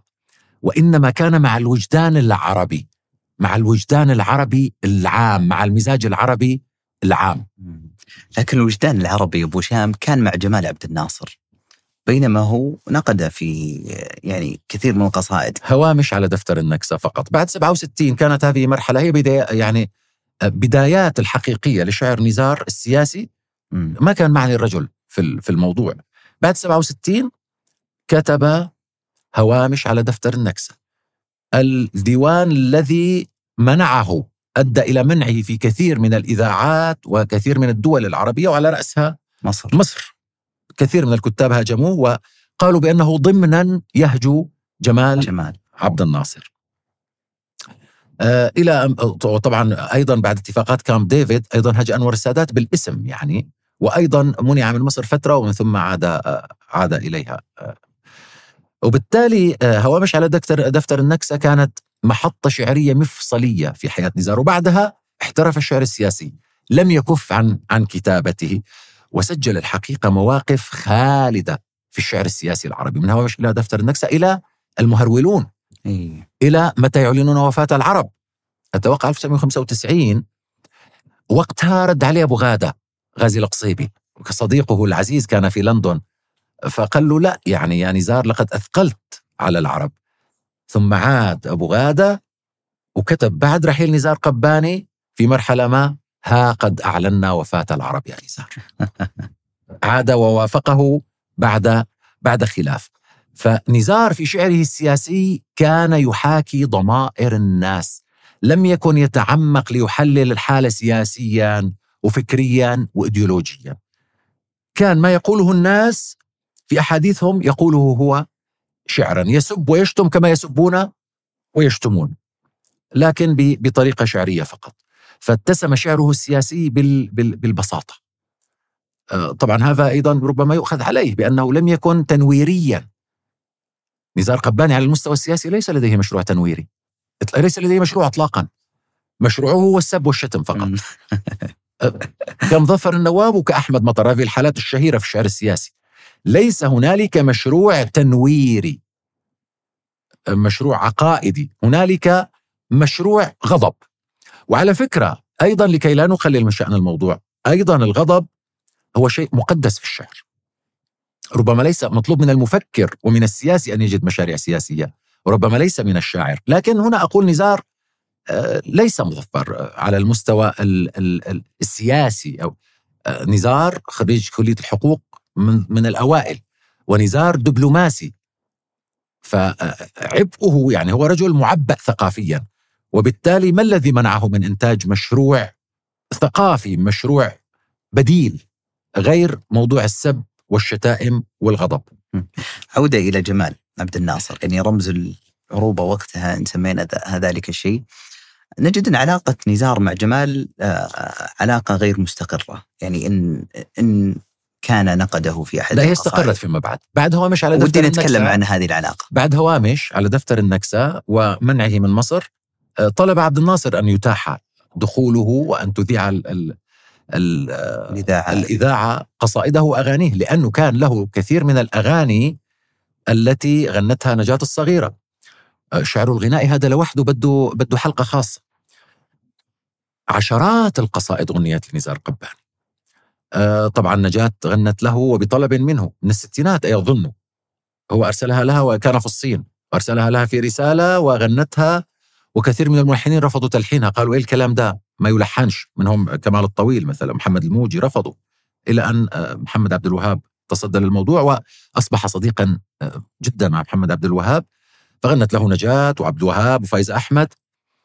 فيما بعد شوف بعد النكسة اشتغل جمال عبد الناصر على استقطاب المثقفين والشعراء والفنانين العرب وشاركت أم كلثوم اعتمد على أم كلثوم وعبد الوهاب. في هذا الباب عبد الناصر وظف ليس بالمعنى الوظيفي وظف بالمعنى ال- السياسي. أم كلثوم ومحمد عبد الوهاب من أجل ح- خلق حالة من الإجماع العربي حول المشروع القومي لجمال عبد الناصر ولمصر. أم كلثوم لم تكن تغني لشعراء أو ملحنين عرب. هذا شيء نادر استثناءات قليلة جدا يعني غنت أتوقع ب 62 آه، فقط للأمير عبد الله الفيصل من أجل عينيك استثناءات قليلة كانت تغني فقط لشعراء وملحنين مصريين بعدها بشكل موظف بدأت تشارك في المجهود الحربي وصدر كتاب في مصر من أشهر اسمه أم كلثوم والمجهود الحربي. نعم كانت عنصرا في الحرب في إعادة ترميم الصورة المصرية فصارت بطلب من عبد الناصر اطلبوا قصائد من شعراء عرب وغنوها. لذلك أصبحت تغني غنت لنزار قباني أصبح عندي الآن بندقية عام 1969 بعد أن تم ترضية نزار قباني. وغنت له ب 69 وغنت للهادي آدم بعدها وغنت لكثير من الشعراء وعادت وغنت أيضا للأمير عبد الله الفيصل. أغنية ثانية. فاذا عودة نزار قباني إلى الساحة المصرية كانت بطلب من جمال عبد الناصر ضمن حالة إعادة استقطاب الشعراء والمثقفين العرب المؤثرين. هذا أثر في نزار قباني كثيرا فكتب أربع قصائد بالاسم لجمال عبد الناصر. آخرها طبعا بعد موته قتلناك يا جبل الكبرياء قتلناك يا آخر الأنبياء. يعني سماه جبل سماه آخر الأنبياء. والله قصيدة لا تليق إلا بنبي يعني آه، ما. يقراها فعلا. وبالتالي كان يعني جمال عبد الناصر في مكانة عالية جدا ولكن كما قلت لك لا يجب أن ننظر إلى مواقف نزار قباني على أنها مواقف سياسية أو إيديولوجية عميقه. هي مواقف وجدانية عاطفية والله مثله مثل العامل والفلاح والمزارع البسيط. نزار كان سياسيا بسيطا. آه، خلص يعني العرب كلهم مع حالة جمال عبد الناصر والمد القومي و والى آخره لأنه شوف أيضا في الوحدة أيضا هذا موضوع مربك مع نزار قباني في مواقفه السياسية. عين أيام الانتداب الفرنسي أول تعيينه ملحق كان أيام الانتداب الفرنسي. الدولة المدنية بعده لم تعزله أبقته أيضا في السلك الدبلوماسي. جاءت الوحدة مع مصر 1958 61 التي منعت كل الأحزاب السياسية في سوريا وحلتها وأقصت الكثير من رجالات المرحلة السابقة، لكن نزار لم يقصى بل عين أيضا ملحقا دبلوماسيا في تلك الحقبة. وبعدها بعد أيضا الانفصال بقي ملحقا دبلوماسيا. هذا ماذا يقود؟ يقود يا جماعة بكل صراحة أنه لم يكن له موقف سياسي. نزار لم يكن له موقف سياسي. كل الأعداء كانوا يستمرون في توظيفه وكأن شيئا لم يكن. بالدليل اذا ليس له موقف سياسي بينما الآخرون أصحاب المواقف السياسية. كلما أتى أحد يقصيهم على أساس أنهم من أنصار فلان أو من تيار فلان أو من جماعة فلان. فنزار لم يكن له مواقف سياسية إيديولوجية. كان مع وجدان الناس يحاول أن يعبر عن ضمير الناس وعن المد الشعبي في مرحلته. جميل جدا. على ذكر الأغنية أبو شام. آه عندي سؤالين حول الأغنية يعني إن سمحت لي. السؤال الأول آه عن أثر آه الأغنية في آه التعريف بنزار للناس. هل فعلا ساهمت الأغنية أن الشعب أو يعني آه الناس ال- الذين لا يقرؤون الشعر مثلا لكن يسمعون الأغنية؟ هل عرفت بنزار أو لا؟ هذه النقطة الأولى. النقطة الثانية آه في ثنائية دائما تنشر وما أدري يعني ودي آخذ رأيك فيها اللي هي اللي يقول مثلا آه لولا م- مرسي الخليفة لما كان محمود درويش. الله أكبر. ف... الله أكبر. هذا كفر صراح هذا كفر صراح. أعوذ بالله. مسألتهم ارتباطهم هو تطرف لكن ارتباطهم أن المغني هو من يوصل الشاعر أو إذا القصيدة غنيت. هذا عندما يكون الشاعر مجهولا والمطرب معروفا. نحن نتحدث عن نزار قباني يا صديقي. اي واحد من ذرى الشعر العربي. نزار قبل أن يغنى أطلاقا كان قد ملأ الدنيا وشغل الناس. نزار أكثر شاعر عربي طبع وبيع على الإطلاق. على الإطلاق. أكثر شاعر قرئ على مر الشعر العربي هو نزار قبان قرئ قرئ وطبعت دواوينه. ملايين النسخ. فهذا كلام هذا كلام لا يسمع اطلاقا. كلام يعني لا يقوله الا إلا جاهل لا علاقة له بالشعر اطلاقا. لكن نزار اهتم كثيرا بموضوع أن تغنى قصائده. اهتم جدا. يعني هو كان يرسل قصائده للشعراء لكي يغنوها. نزار كان مهتما بالتسويق لنفسه.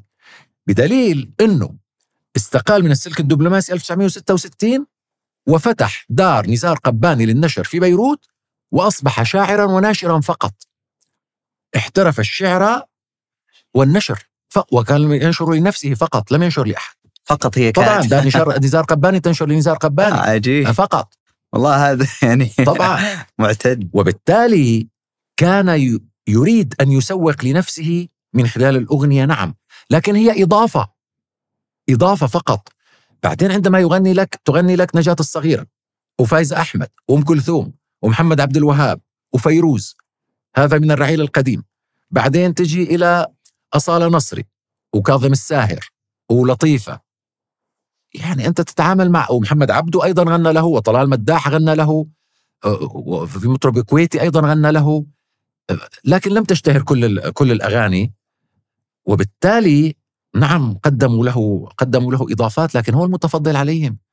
هو يعني يعقل إنه كاظم نزار يكبر بكاظم؟ لا هذا هذا جنون هذا يا أخي اسمح لي. كاظم هو الذي يكبر بنزار. يا سلام. كاظم يكبر بنزار. هذا يعني هذا شيء متفق عليه. عيب أن نختلف. يا رجل من يضيف إلى نزار نزار, حبيت إني استفزيتك. نزار يحمل نفسه بنفسه. نزار حمل الشعر العربي كله إلى ضفة أخرى. يتفق ويختلف معها آخرون لكن نزار نقل الشعر العربي كله إلى مكان آخر. نقل القصيدة الفصحى إلى قلوب الناس. جعلها قصيدة شعبية.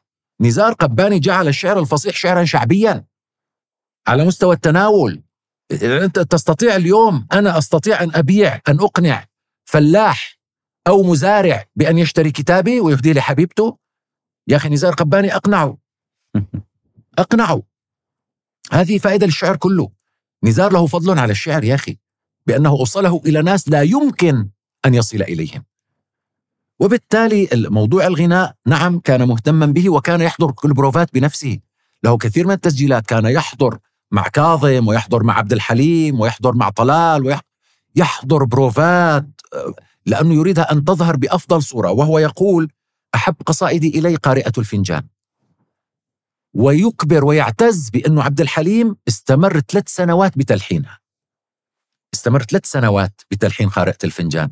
فهو يعتز كثيرا بعبد الحليم ويعتز كثيرا بهذه ال- القصيدة ويحبها. هي أسيرة إلى قلبه لأنه هي قصيدة بسيطة جدا على فكرة. بسيطة يعني. صح. آه، فعلاقته نعم قدم كثيرا للأغنية العربية. والأغنية أضافت إليه.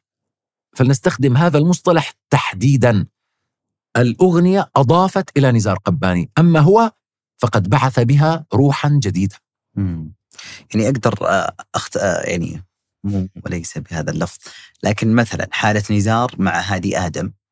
هادي آه، الأغنية لم تقدم له تقريبا. يعني حبسته. دمرته. دمرته. دمرته. في غد أنا. أحزن والله على الهادي أدم. والله أحزن عليه. هذا شاعر كبير وأستاذ كبير. لكن لم تشتهر له إلا هذه القصيدة. فحبس فيها. يعني آه، هو حبيسه سجينه آه، غدا ألقى. حبيس آه، قصيدته يعني. حبيس حبيس قصيدة. القصائد الأخرى لم تقرأ والآن لا تستطيع أن تقنع الناس بها. على كل حال لكن يكفيه فخرا. إيه، كم شاعر خلد بقصيدة واحدة يعني؟ صح صح. يكفي إنه خلد يعني آه، هذه يكفي. أنه خلد. ذكرت آه، أبو شام آه، إنه فتح له دار وتفرغ للشعر وقتها. يعني ترك السلك الدبلوماسي. آه، أتذكر آه، الجواهري مثلا أخذ نفس آه، نفس الحركة تقريبا استقال وتفرغ وفتح له دار باسمه. هذه الحالة آه، في ذلك الزمان أن يفتح الكاتب أو المثقف أو الشاعر دارا باسمه ويدخل في هذا الجانب. آه، كيف تشوف تلك الحالة؟ هل هي صحية؟ خاصة أن أنا أول مرة أدري إنه لم لا ينشر إلا لذاته. يعني يعني اليوم في مواقع التواصل الاجتماعي سهل الأمر صار معروف صحيح. يعني صحيح. حسابك هو ذاتك. لكن سابقا أعتقد إنه مستغرب. يا سيدي والله يا محمد أعطيني فلوس وأنا والله أحترف الشعر. جميل. على فكرة أنا بقيت عشرين سنة من حياتي شاعر محترف. لا أعمل شيئا. أنا لا أحب العمل. الشعراء كلهم لا يحبون العمل على فكرة. عظيم عظيم. لكن هي أسباب الحياة. صحيح صحيح. ف يعني أعطيني فلوس وأنا أفتح دار نشر وأتفرغ للشعر يا أخي مم. هذه أمنية الكل الجواهري ونزار قباني عندهم فلوس مم.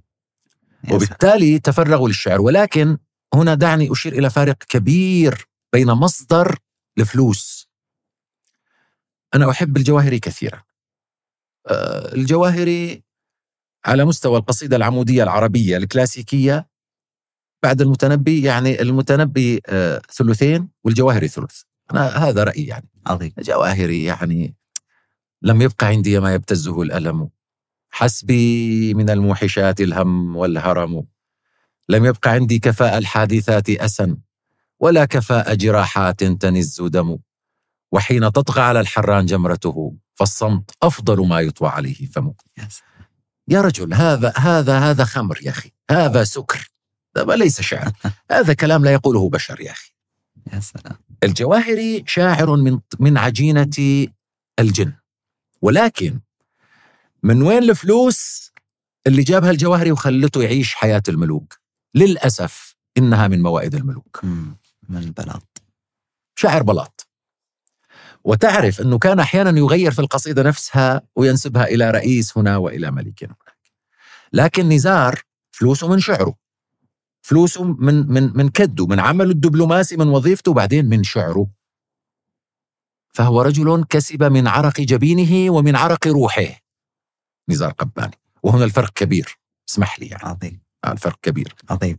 إحنا ودنا يدخل عبد الله العنزي أبو أصيل حتى يدخل النقاش بين الجواهري والنزار يا ليت والله. هو يرى يعني اشعار العرب يعني لا المتنبي ولا غيره. كما ذكر في الحلقة اللي نشرناها طبعا. قبل أن ننتقل ابو شام إلى آه نزار قباني ناثرا. يمكن ذكرنا أشياء كثيرة و... اللي هي مسألة اليوم آه نزار منتشر في الحالة المجتمعية. لدرجة اليوم على مواقع التواصل الاجتماعي تقرأ كثيرا للنزار ولا تقرأ لغيره. يعني الذي يقرأ الشعر والذي لا يقرأ الشعر تلقاه يقتبس من نزار. يعني واصبح ينسب إلى نزار أكثر من شعره بألف مرة. أوه كثير. كل واحد بيكتب بوست وبيكتب تحته نزار قباني ويلا. تنتشر يعني. صحيح. لكن يعني مما وجدناه كقراءة سريعة مرات يتم اقتباس أشياء ما أدري كيف أسميها لكنها ركيكة يعني من شعر نزار. صحيح. ومع ذلك هذا الشاعر خلد نفسه رغم أن لديه شعر ركيك رغم أن هذا الشعر كذلك منتشر ويقتبسونه الناس. هل هو آه العتب أو خلينا نقول آه هو مننا إحنا يا القراء الحالة العربية خلاص يعني سطى اسم نزار فصار أي شيء يحمل اسم نزار هو مقبول بعيد عن النقد؟ أو وش سطوة الاسم. مم. ببساطة سطوة الاسم. يحولك أحيانا يعطيك هالة من القداسة. واسم نزار على المستوى الشعبي والجماهيري حوله هالة من القداسة. وبالتالي كل ما يقوله صعب. مقاربته النقدية خاصة بقسوة يعني. طبعا له له بعض وهذا التبعيض يعني ربما يقل وربما يكثر. القصائد البسيطة جدا طبيعي.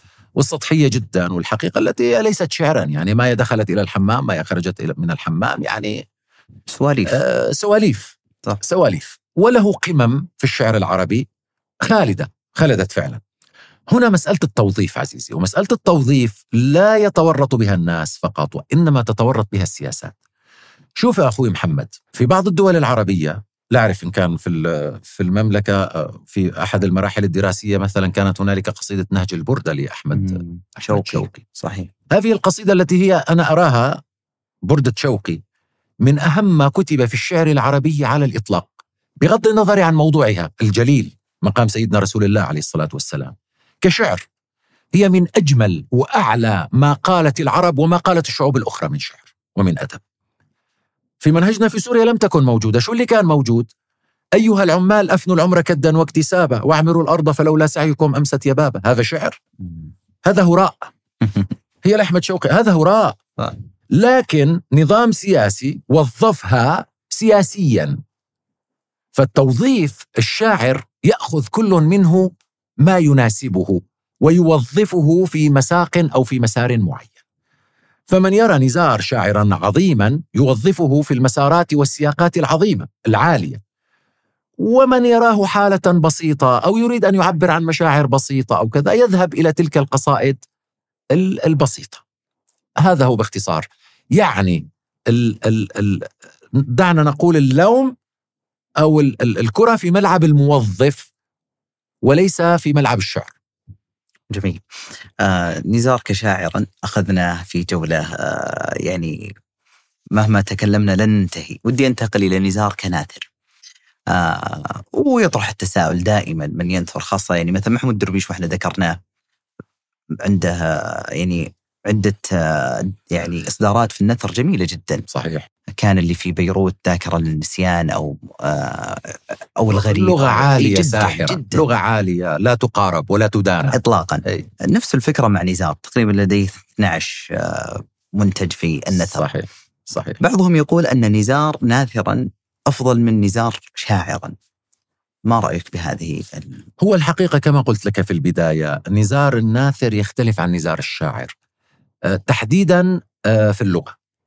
لغته في في النثر هي لغة منضبطة لغة عالية جدا. رسائل نزار قباني الرسائل التي كتبها للأدباء وهو كثير الرسائل كثير المراسلات. يا رجل تصلح لأن تكون مرجع. مرجع في اللغة. مرجع في النقاء. مرجع في اللطف. في لطف لطف التعامل مع مع الآخر. نزار في نثره لغة نقية مقطرة عالية سامقة. الجمال اللغوي البهاء اللغوي النقاء اللغوي في آه، نزار. وأيضا الحدة. في كثير من نتاجه النثري وهذا يشكر عليه. كان نزار المعلم. نزار المعلم للأجيال. نزار المنظر في الشعر. وهذا يعني يرجع ل آه، آه، دعنا نقول هو يصلح مصدر للأجيال ال- الجديدة يعني. قص كفى بقصتي مع الشعر يعني. آه، طبعا هذا الكتاب النثري الوحيد اللي أنا قرأته. الباقي نتف. هنا وهناك وقرأت الكثير من من رسائله.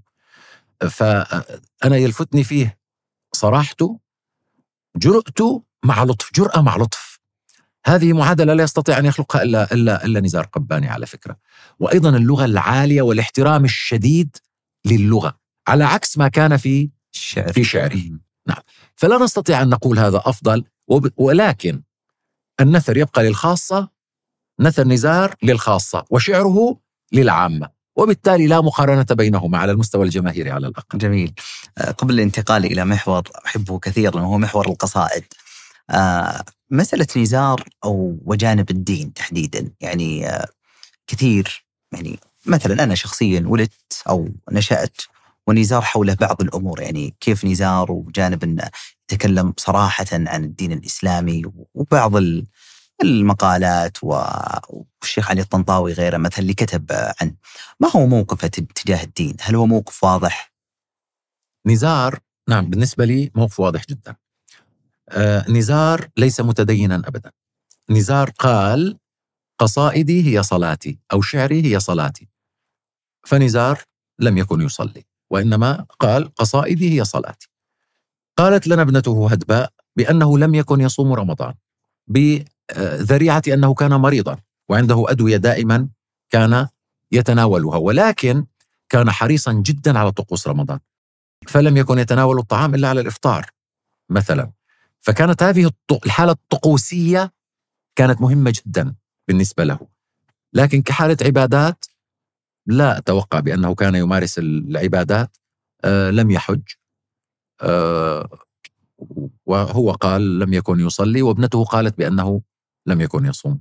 هذا ما وصلنا عنه كحالة شعائرية يعني لكن كان يهتم وكان يؤكد دائما أنه مؤمن.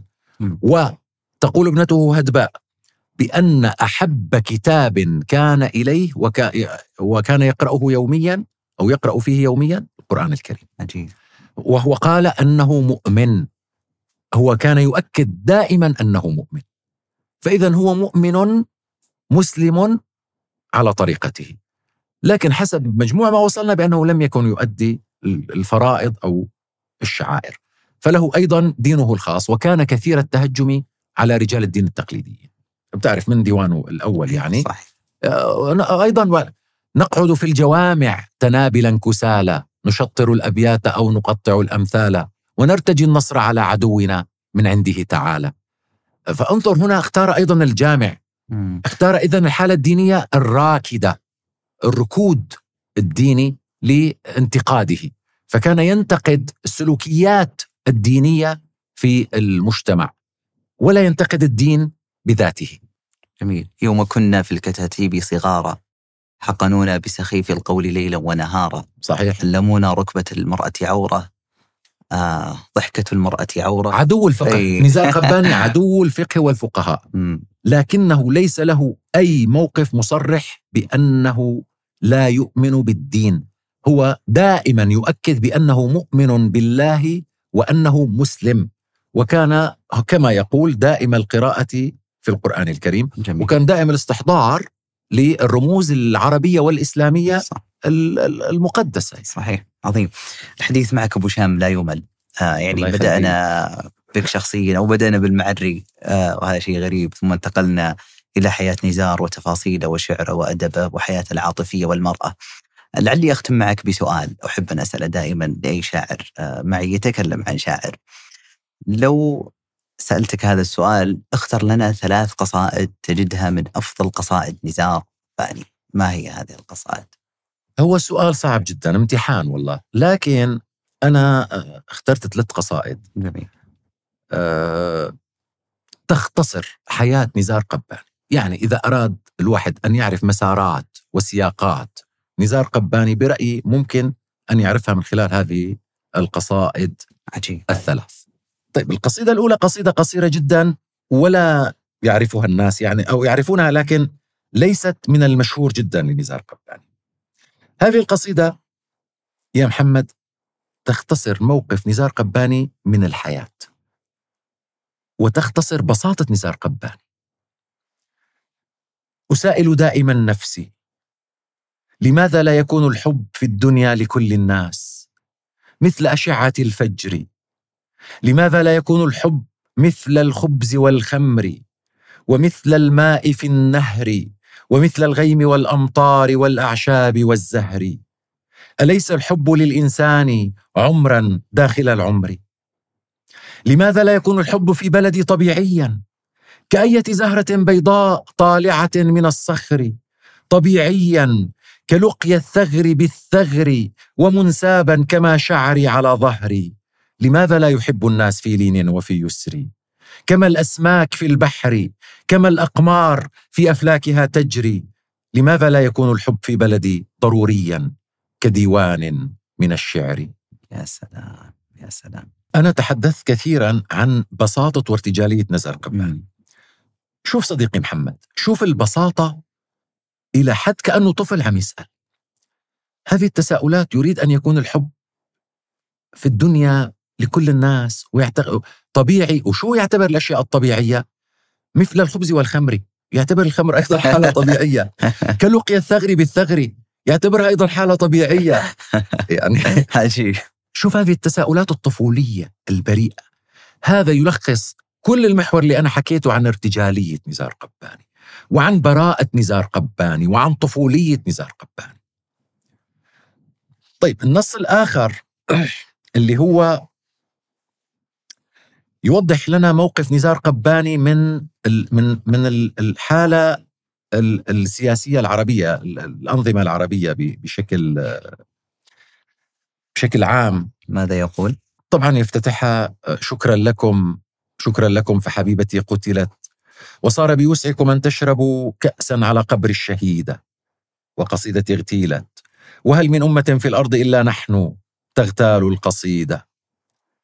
بلقيس كانت أجمل الملكات في تاريخ بابل. بلقيس كانت أطول النخلات في أرض العراق. كانت إذا تمشي ترافقها طواويس وتتبعها أيائل.